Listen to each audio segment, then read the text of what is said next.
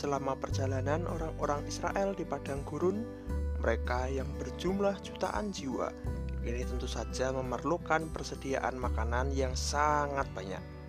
Karena mereka berjalan terus dan kondisi padang gurun yang tentu saja sulit mendapatkan tempat subur dan hijau, tentu kita bisa bertanya, bagaimana mereka makan? Lima kitab Musa menunjukkan kepada kita bahwa selama bangsa Israel berjalan di padang gurun, mereka makan roti mana yang turun setiap pagi dari Tuhan. Dan untuk daging, Tuhan juga menyediakan kawanan burung puyuh yang datang di sore hari. Untuk minum, mereka singgah di beberapa mata air di padang gurun. Tentu saja Tuhan menyediakan makanan bagi mereka, karena tidak mungkin bercocok tanam selama perjalanan di padang gurun. Penyertaan Tuhan melalui makanan di padang gurun ini suatu waktu berakhir ketika bangsa Israel telah memasuki tanah perjanjian, yaitu tujuan mereka.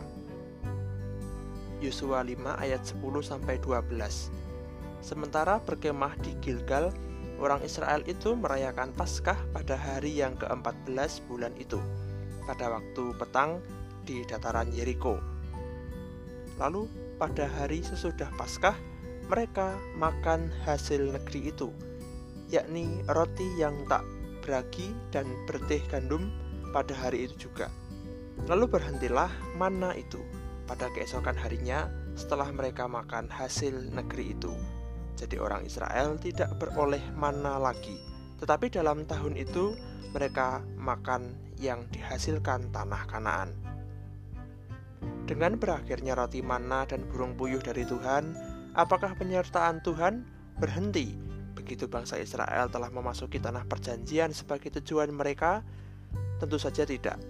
Penyertaan Tuhan tetap sama dalam wujud yang berbeda, yakni melalui hasil panen di tanah tempat mereka telah menetap.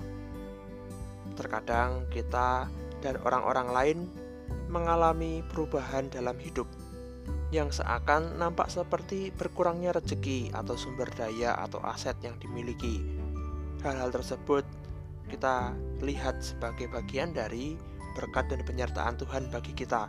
Tetapi ketika hal-hal tersebut berkurang atau hilang, seakan rasanya berkat Tuhan juga sedang hilang atau berkurang. Tetapi sebenarnya penyertaan Tuhan bagi kita tetap sama.